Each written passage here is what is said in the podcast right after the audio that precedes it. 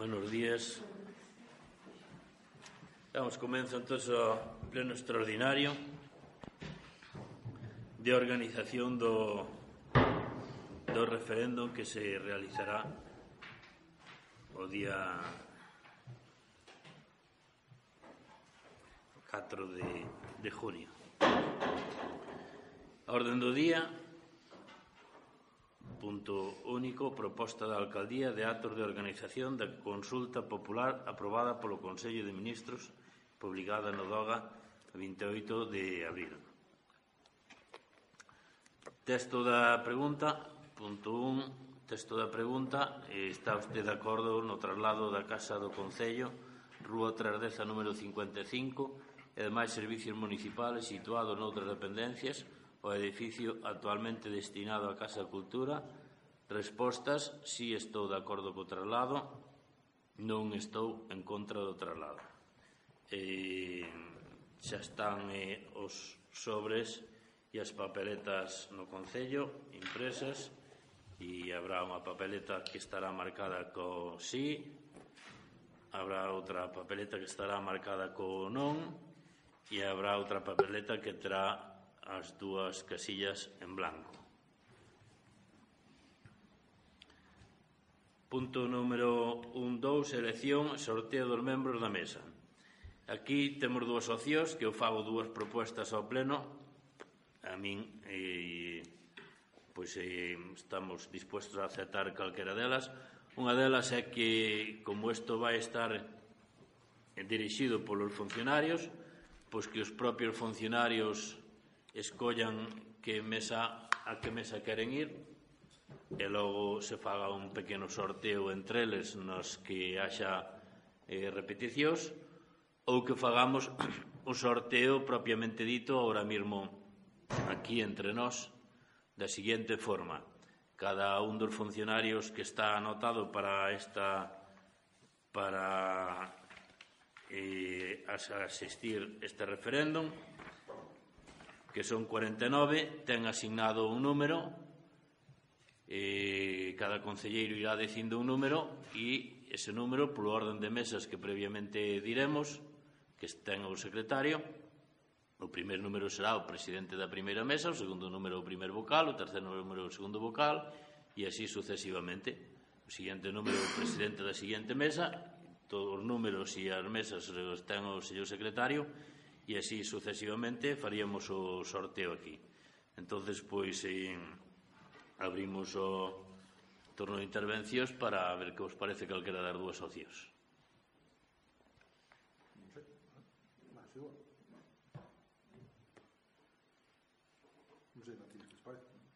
A ver, eu perdese máis tempo, pero en todo caso, Se toda esta ten tanta formalidade, o sorteo debería ser previo.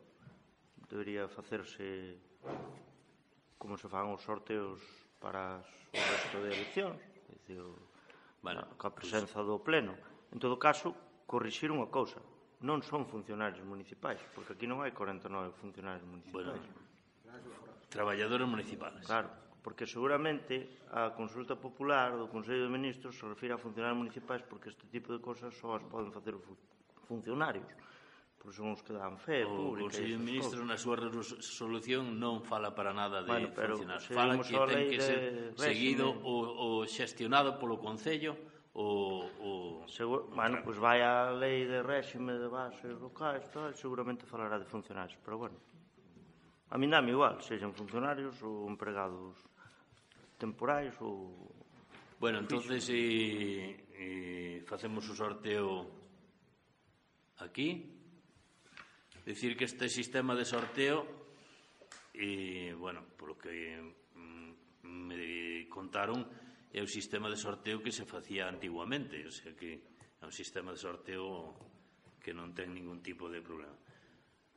A cuestión é que o secretario ten aquí as mesas por orden, lirá dicindo que mesa corresponde, ten os funcionarios, decir, os funcionarios, os traballadores municipales, eh, cada un con seu número, hasta, en vez de 49, ten hasta 46, creo, non, 45, 45, porque sacamos do sorteo a David García Lareo, que será encargado de estar aquí no Concello durante todo o día por, para gestionar calquera incidencia, como junto a Secretaría.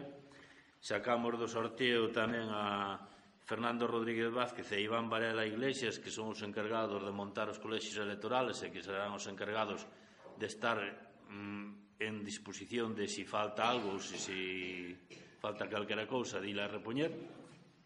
E sacamos do sorteo a Mónica González Conde, que é encargada de prensa e estará tamén aquí no Concello para atender calquera cuestión que a prensa reclame. E necesitanse 39 personas, sobran 6, e esas 6 personas que queden fora deste sorteo quedarán de suplentes por si hai algunha indisposición en ese momento ou calquera cousa. En todo caso, se non fixera falta, pois sí quedarán tamén de apoio aquí no Concello para, para calquer cousa que poida surgir ese mesmo día. Bien, pois sin máis, se si secretario parece ben que vai lendo a, a mesa que corresponde e vamos dicindo os números. Pois a mesa é a Casa da Xuventude, se, se a dos queda. Ah, quixera facer unha aclaración, a única diferencia con respecto a, ás mesas de, de calquera eleccións é que en este caso instalamos dúas mesas en Silleda en lugar de catro e unha mesa en bandeira en lugar de dúas. Creemos que é suficiente e menos engorroso tamén para os que vayan a votar ter que andar mirando os apellidos e tal nas letras en calle toca. Logo despois é todas elas como corresponde en, en calquera outras eleccións. Entonces empezamos por orden tal portavoz do Partido Popular en número Digo un número, va como. Do 1 ao 45. 1 ao 45, pois o 49. 32, o segundo, o 20. 20, terceiro. 3. 3. A mesa da Casa de Xuventude, bueno, a un B, hai dúas mesas en se é onde se A outra mesa da Casa de Xuventude. Sí. 12. 11. 11. 11. Que, que vas levar conta se van repetidos. No. Señor interventor. Sí, señor interventor, tachando, si no. Hay que marcar los días.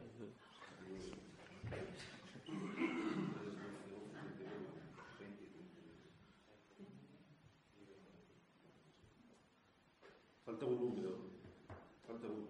Para esa misma Siguiente mesa, Centro Cultural Cortegada. Cortegada. Benito. 30. 30.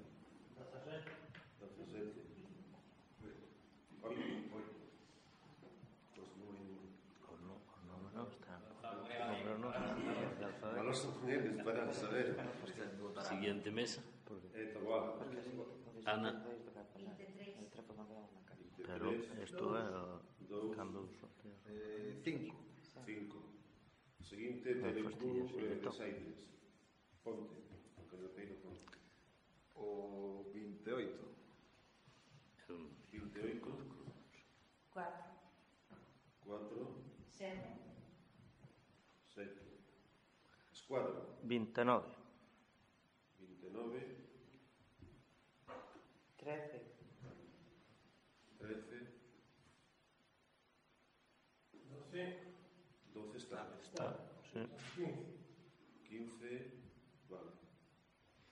eh, graba. Un, un, dos, dos, da, Tres tamén. Catro tamén, cinco tamén. Desde, desde seis ao sete.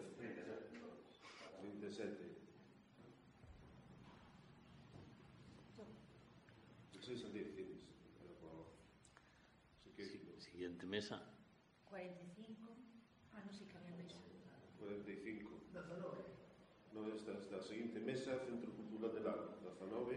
Eh, ah, esta era da mesma. 44. 44.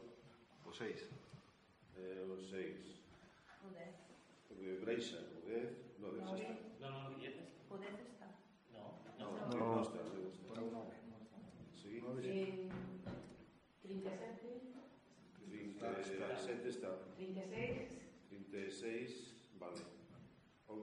45. A 45 está. Está. Pois eh, 40. 40. Negreiros. O 3. Está. Está. Hasta o 5 está. Está. Hasta o 6. Hasta o 13 está todo. A eh, cal, cal faltan dos primeiros? Hasta o 13 non falta ninguno. Entonces o 15. O 15 está. O 14.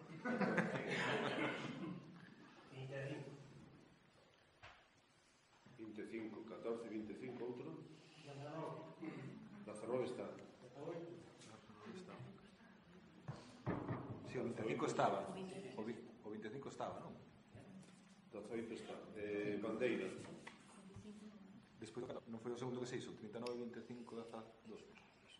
No, 39, 20. 20. Bandeira, outra mesa, bandeira. Que eran dúas. Me toca a mí. Sí. 44. Está, está. Ah. 43, 42, 42 21, 21, vale. Eh, penúltima, la mela. 22. 22.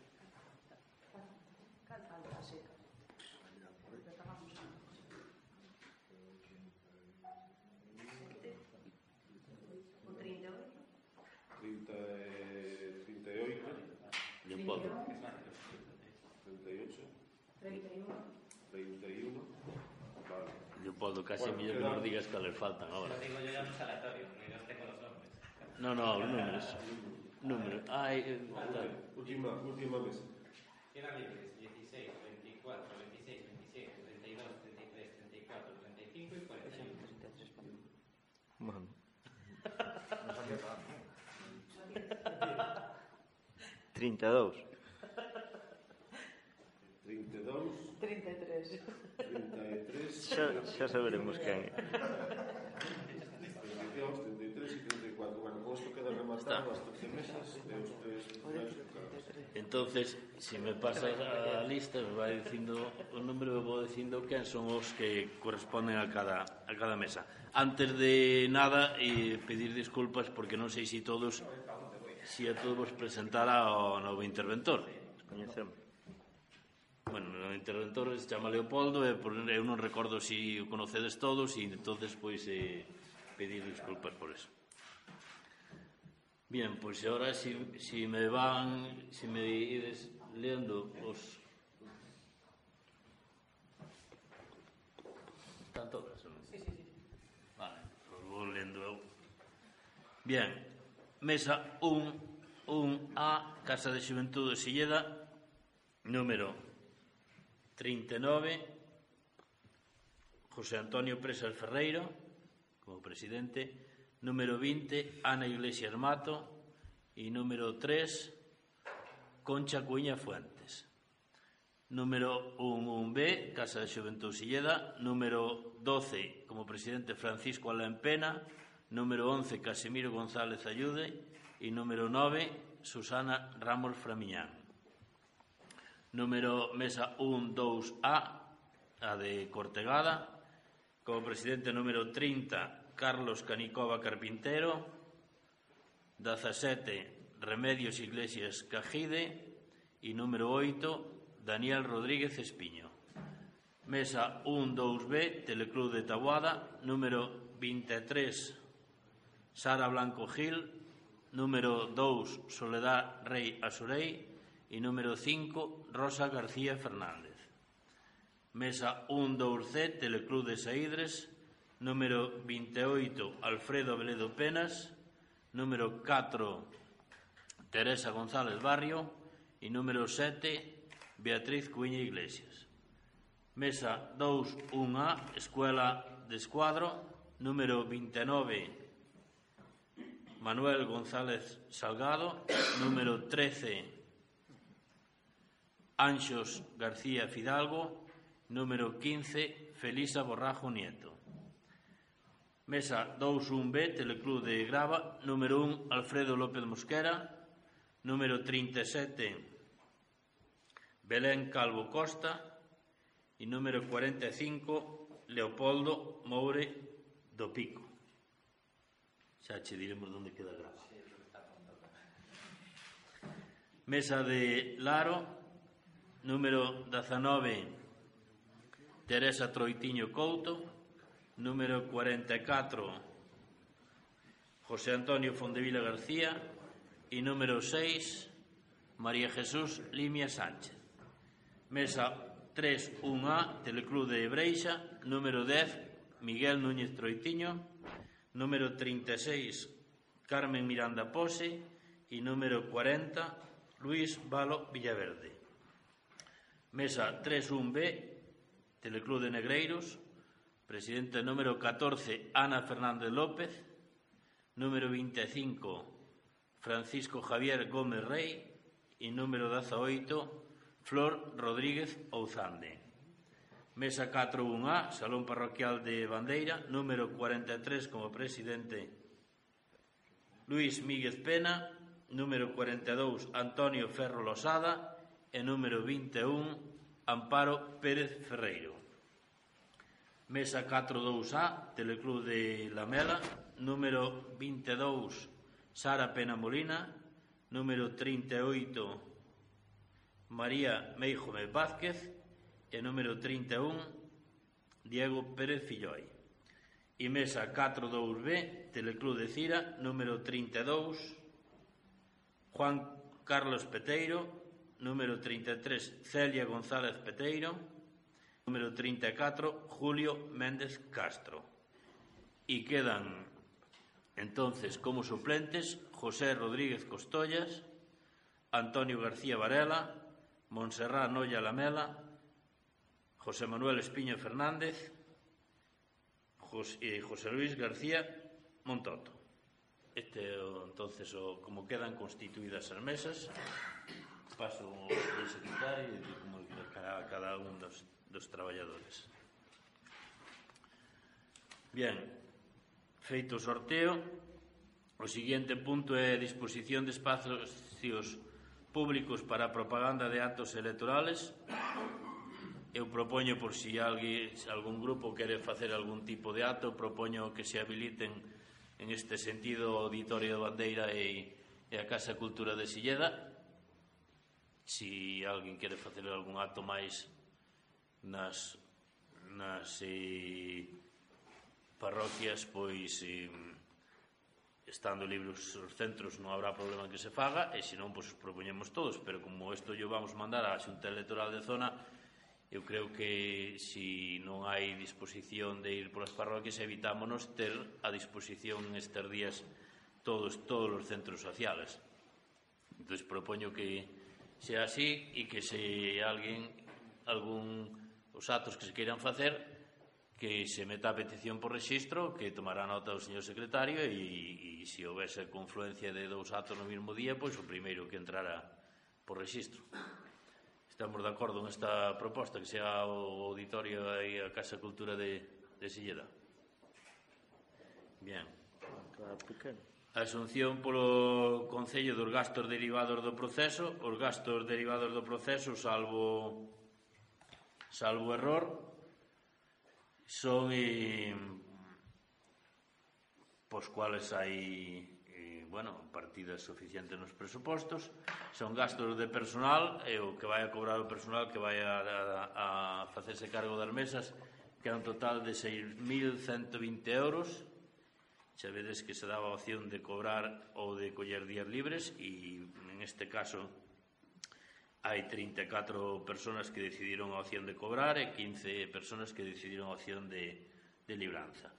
Os gastos das papeletas e dos sobres son 390 euros máis 425, 390 papeletas, 425 de, de sobres e os gastos deste pleno 600 euros, eh, 75 polos personas que van a cobrar 600 euros. Eses son os gastos, en principio, que, que ocasionará que ocasionará este referéndum. E, como último punto, organización do escrutinio e remisión á Xunta Electoral da Zona. O escrutinio se realizará, o reconto se realizará en cada mesa polos tres membros encargados desa mesa, como todas as eleccións, serán comunicados á Secretaría, secretario ese mismo día a noite dará fe dos resultados e o comunicará á xunta electoral de zona e serán eh, eh refrendados no pleno ordinario de maio por, por esta corporación. No pleno ordinario de xullo sería. Ah, de xullo. En eh, maio é anterior. É anterior. É o 4 de junio. É verdad. Bueno, no pleno ordinario siguiente ao o referendo, oh, perdón, en maio non, de julio. Pleno ordinario, siguiente ao referendo de julio. Eh, creemos que non é necesario facer un pleno extraordinario para dar conta dos resultados, dado que quen dá fe dos resultados é o secretario e os traslada a xunta electoral. E logo, pois, no pleno ordinario de, de julio, pois se dará conta de as atas de mesa por mesa e, e Dito isto, remátase os puntos no orden do día e bueno, ainda que creo que isto está todo debatido, se si queredes facer algunha última reflexión, pois pues damos un turno de palabra para para unha última reflexión.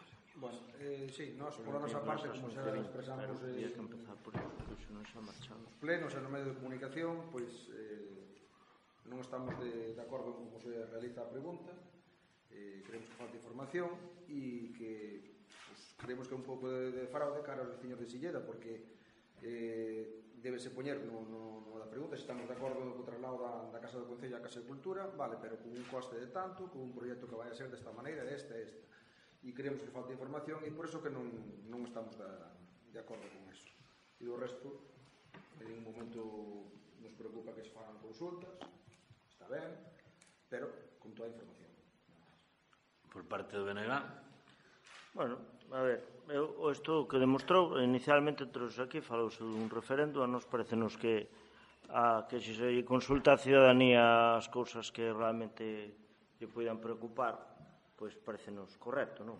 Hai un, probablemente, non sei, 99, 100, 200 cousas que lle preocupen máis a ciudadanía de Silleda que isto, e non se van facer consultas diso. Mais ben, eh, que se lle queira dar unha apariencia democrática a esta historia, bueno, cando realmente non ao final non, non é informada, pois eh, porque aquí xógase co descoñecemento da xente, coa ignorancia so, sobre as cousas, porque, claro, a xente non ten por que saber o que custa iso, nin ten por que saber se iso realmente é factível ou non é factível, se ali vai coller todo o mundo ou non vai coller, é dicir, presentouse un, un proxecto inicial para que voten alegremente, para que alegremente pois, digar sí ou non. Bueno, sempre é máis fácil dicir que sí que non, non? Cando é unha cuestión alegre, pois, eh, levar a contraria, pois, ás veces parece que ata, ata non queda ben, non? Eh, eu creo que ao final isto, é dicir, pola formalidade que requeriu, converteuse nun despropósito, nun despropósito dunha parafernalia tremenda, no que é eso, se quere dar unha apariencia democrática a algo con afán de mediatización, de que os medios o recollan, de notoriedade, de ser famosiños, ao final, por unha cousa que realmente non ten moita trascendencia, ou máis ben ninguna, só hai que escoitar a xente na rúa. E eu creo que polo que se debería ter empezado é este é o proxecto, que o proxecto, é dicir, o alcalde día que non se vai pagar un proxecto. Bueno, aquí chegan obras, por exemplo, é dicir, xente que se presenta e que fai memorias técnicas, fai unha, unha memoria valorativa, eso chegaba ben, para dicirlle a xente, a xente despois non vai protestar se ten 40.000 euros arriba ou 20.000 euros arriba ou baixo, eso non é a protesta. Entón, eso é como se, como se realmente se, se informa a cidadanía e se lle dá coñecemento de causa para votar. Porque votar é algo moi importante. Eu tomo en serio, moi en serio. Para min votar non só é o que di a xente dunha festa da democracia. Non. Votar significa tomar as decisións sobre o futuro de algo. Isto é moi importante. Para tomar decisións sobre o futuro de algo, sobre todo, cando se lle quere dar a oportunidade á xente, terá que ser con coñecemento de causa absoluto, para poder razoar a resposta. Razoar. Porque votar é razoar. Non é gustame aquel color ou gustame eh, aquela historia. Bueno, xa sei que hai moita xente que vota así, pero eu non son capaz de votar así. E probablemente teña bastante máis información porque procurei eh, de algún xeito investigar ca a maioría da xente que vai a votar. E, entón, ao final, o texto eh, quedou coxo. Bueno, lóxicamente, aquí non aparecía, eu xa ia decir, xa comentou o alcalde, hai unha, unha oportunidade, lóxico, en todos os referéndums para a abstención, non? Porque senón estás obrigando a xente a non participar no referendo, non? E entón pois eh, para que poida votar cando menos en branco aquel que que queira, non que non estea de acordo coas dúas cuestións ou que realmente amorxe así o seu voto protesta. Non?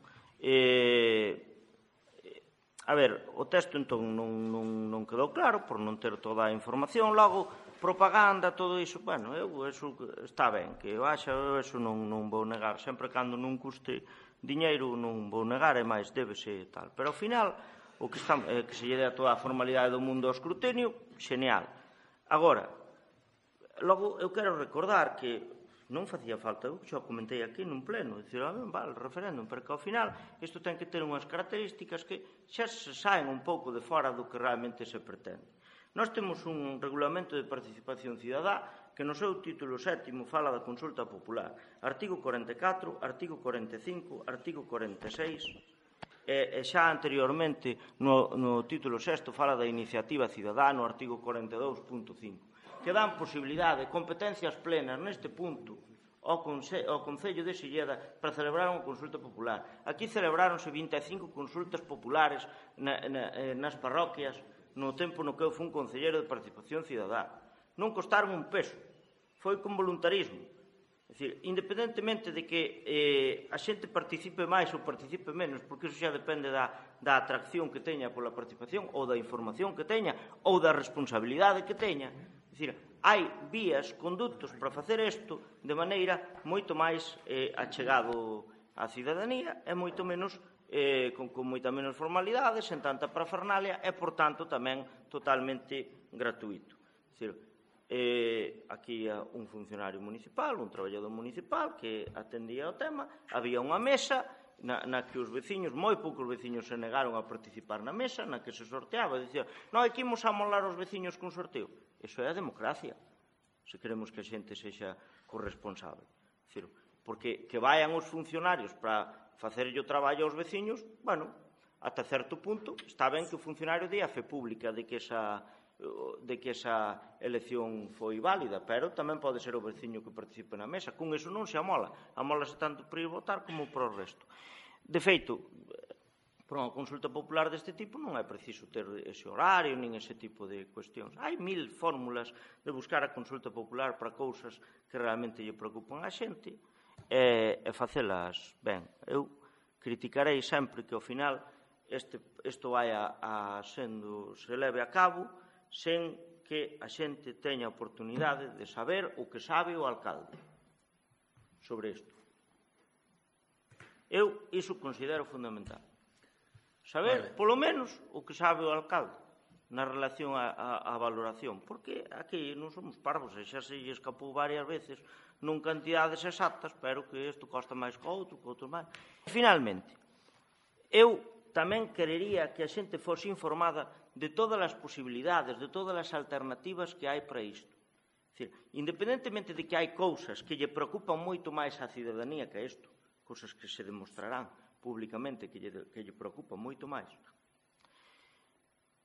mm, a, a cuestión de marchar para lá É dicir, de levar o Concello para lá. Ao final, eh, a xente ten claro como vai ser a, a disposición, porque nós vimos aí un proxecto, aí, bueno, un proxecto, unha, un esquema inicial de que, teóricamente, ali collía todo o mundo, tal. Bueno, hai que dicirlle que ata aos propios traballadores municipais dubidan diso, pero bueno. E, despois, eu falando estes tempos con xente que pertenceu a outras corporacións, e, e mesmo traballadores que levan aquí ben anos, aquí existen máis proxectos. Existen máis proxectos como era, por exemplo, unir ese baixo da líder vivendas, do, perdón, do urbanismo eh, con esta casa consistorial. Eh, ese proxecto, eu non sei se foi valorado agora, se foi pois valorada esa cantidade económica, a cantidade económica que custaba, porque como presuntamente do outro non se sabe, deste tampouco se sabe, mas deste polo menos se se fixeran ata, ata bocetos e esbozos. Recordábame outro día un periodista que non está hoxe aquí, que el xa escribiu sobre iso hai 15 anos. Ou máis. É dicir, eu falei con xente da, daquelas corporacións. Bueno, ese tipo de cuestións a xente ten que sabelo. É a única posibilidade que hai. Cales son as posibilidades? É dicir, por que se fai? Eh, a vez que tamén debería ter aparellado eh, se no caso de que se haxa un traslado e isto pasa a ser casa de cultura, ao mellor debería ter aparellado tamén en que se convertería isto. Non soltar así simplemente. Aí xa dixemos que no caso que trasladase nos participaríamos, porque nós somos construtivos, participamos en todo. Entón, ao final vemos que hai un grande interese por obras. As obras xa sabemos que neste mundo da administración, pois, ás veces ata teñen donos asignados. Logo, ao final imos parar a, a lá, eu xa non sei que é o interese. Se facer unha obra, Xira un edificio que foi un cuartel onde houve represión, porque ao final o mellor é convertelo neso, ou se realmente o interese xa está en ir ali, eh, porque é un edificio que ten unha balconada mellor que esta, entonces pois nas festas, eh, por aí nos atos podes saudar mellor, eh, é quedar vai rematando, quedar mellor. Vai rematando Eu só vou rem... xa non ten moito interés. No, o, intenta... O mesmo que ten, creo que ten tanto interés a miña declaración como a, o traslado do Concello. Pero, bueno, independentemente disso, eu só lle vou decir, porque eu vou de cara, eu vou lle decir, eu dixenlle, se hai uns condicionantes determinados, como é a información eh, pública, o que custa, cunha memoria máis ou menos aproximadamente, E eso está na papeleta, a miña intención é votar que sí. A miña intención é votar que sí, sempre cando se demostre que é viable para o Concello. Eu xa lle adianto cal vai ser o meu voto neste referendo. Vai ser en branco.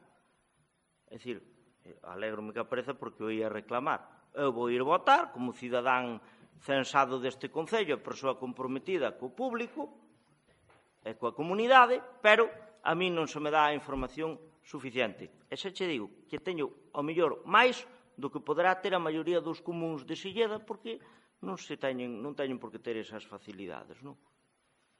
Ben, entre o largo discurso que nos acabas de facer... É que se fora largo punto por punto, largo... facíamolo máis curto e eh, falábamos todos. Eh, eh, despois de ser largo, espero que ahora polo menos poida sí, sí. falar eu. Entre o largo discurso que acaba de facer e con moitos matices sin ningún tipo de interés, algún dos matices que dixo, que fixo, que fixeches, con interés parece mentira que se faga as sabiendas, porque o da pasarela eu creo que sabes perfectamente que esa pasarela se planteou aquí xa fai moitas veces e que a comunidade de usuarios do edificio en primer lugar dese edificio non a permite. E esa pasarela é inviable eh, eh, eh, facer Primeiro, porque hai unha comunidade de usuarios de edificio que non permite facer esa pasarela. Xa para pasar ao seguinte tema que sería estudiar se urbanísticamente eh, é factible. E eso si sí o sabes. Entonces, eh, para a xente non o sabe. tan largos non se debe faltar a verdade. A debe se dicir non a verdade como é, non se se estudiou esa posibilidade cando xa se sabe que non hai esa posibilidade. Que... Eh, para contestar o do fraude á ciudadanía que decía o Partido Popular, a ver, este goberno presentouse a unhas eleccións, este grupo. Este grupo ganou unhas eleccións claramente. Este grupo nunca defraudará a quen lle votou, a ciudadanía, nunca. E este grupo ganou eleccións para gobernar, e non lle ten medo a gobernar. Este grupo ten que cambiar as oficinas consistoriales porque cree que é conveniente ou ten que facer calquera obra por moi problemática que sea, que cree que é o mellor para este Concello e o fai porque ten o mandato popular para facelo e non ten medo a facelo porque tal. E este grupo que nunca fará é defraudar aos seus electores e o que sempre vai a facer é o que ten que facer cumplindo o seu programa electoral. Programa electoral co cual nos presentamos aos electores e o cual lle mandamos a todos os veciños casa por casa e co cual nos deron a maioría absoluta para gobernar e en este programa electoral pon textualmente, textualmente,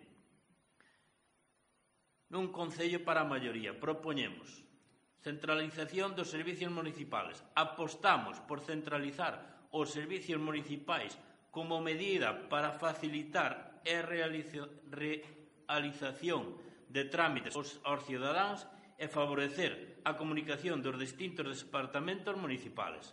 Para eso, propoñemos trasladar todas as dependencias do Concello da actual Casa de, Cultu actual Casa de Cultura sempre e cando exista consenso social amplio para efectuar este cambio. Para elo faremos un referéndum popular. Nos non defraudamos a ciudadanía, nos cumplimos o prometido, nos presentamos unhas eleccións con un programa. A, eh, a diferencia de outros, cumplímolo e este programa di claramente para elo faremos un referéndum popular. Nos cumplimos co que nos manda, non temos medo por facer un cambio eh, que creemos que é conveniente, nin temos ningún reparo a facelo. Simplemente o facemos porque así o comprometimos ca ciudadanía, porque así o dixemos a todos os veciños, e porque con isto na mao os veciños nos deron o resultado que temos. O sea que, máis alá do que se, do que se queira decir, non defraudamos a nadie. Ao contrario, cumplimos a palabra dada, que é o que faremos sempre deste goberno cos nosos veciños para dentro de dous anos, cando acaba a legislatura, podernos presentar ca cabeza alta diante deles dicindo nos cumplimos co que, que levábamos nos nosos programas. Se levanta a sesión.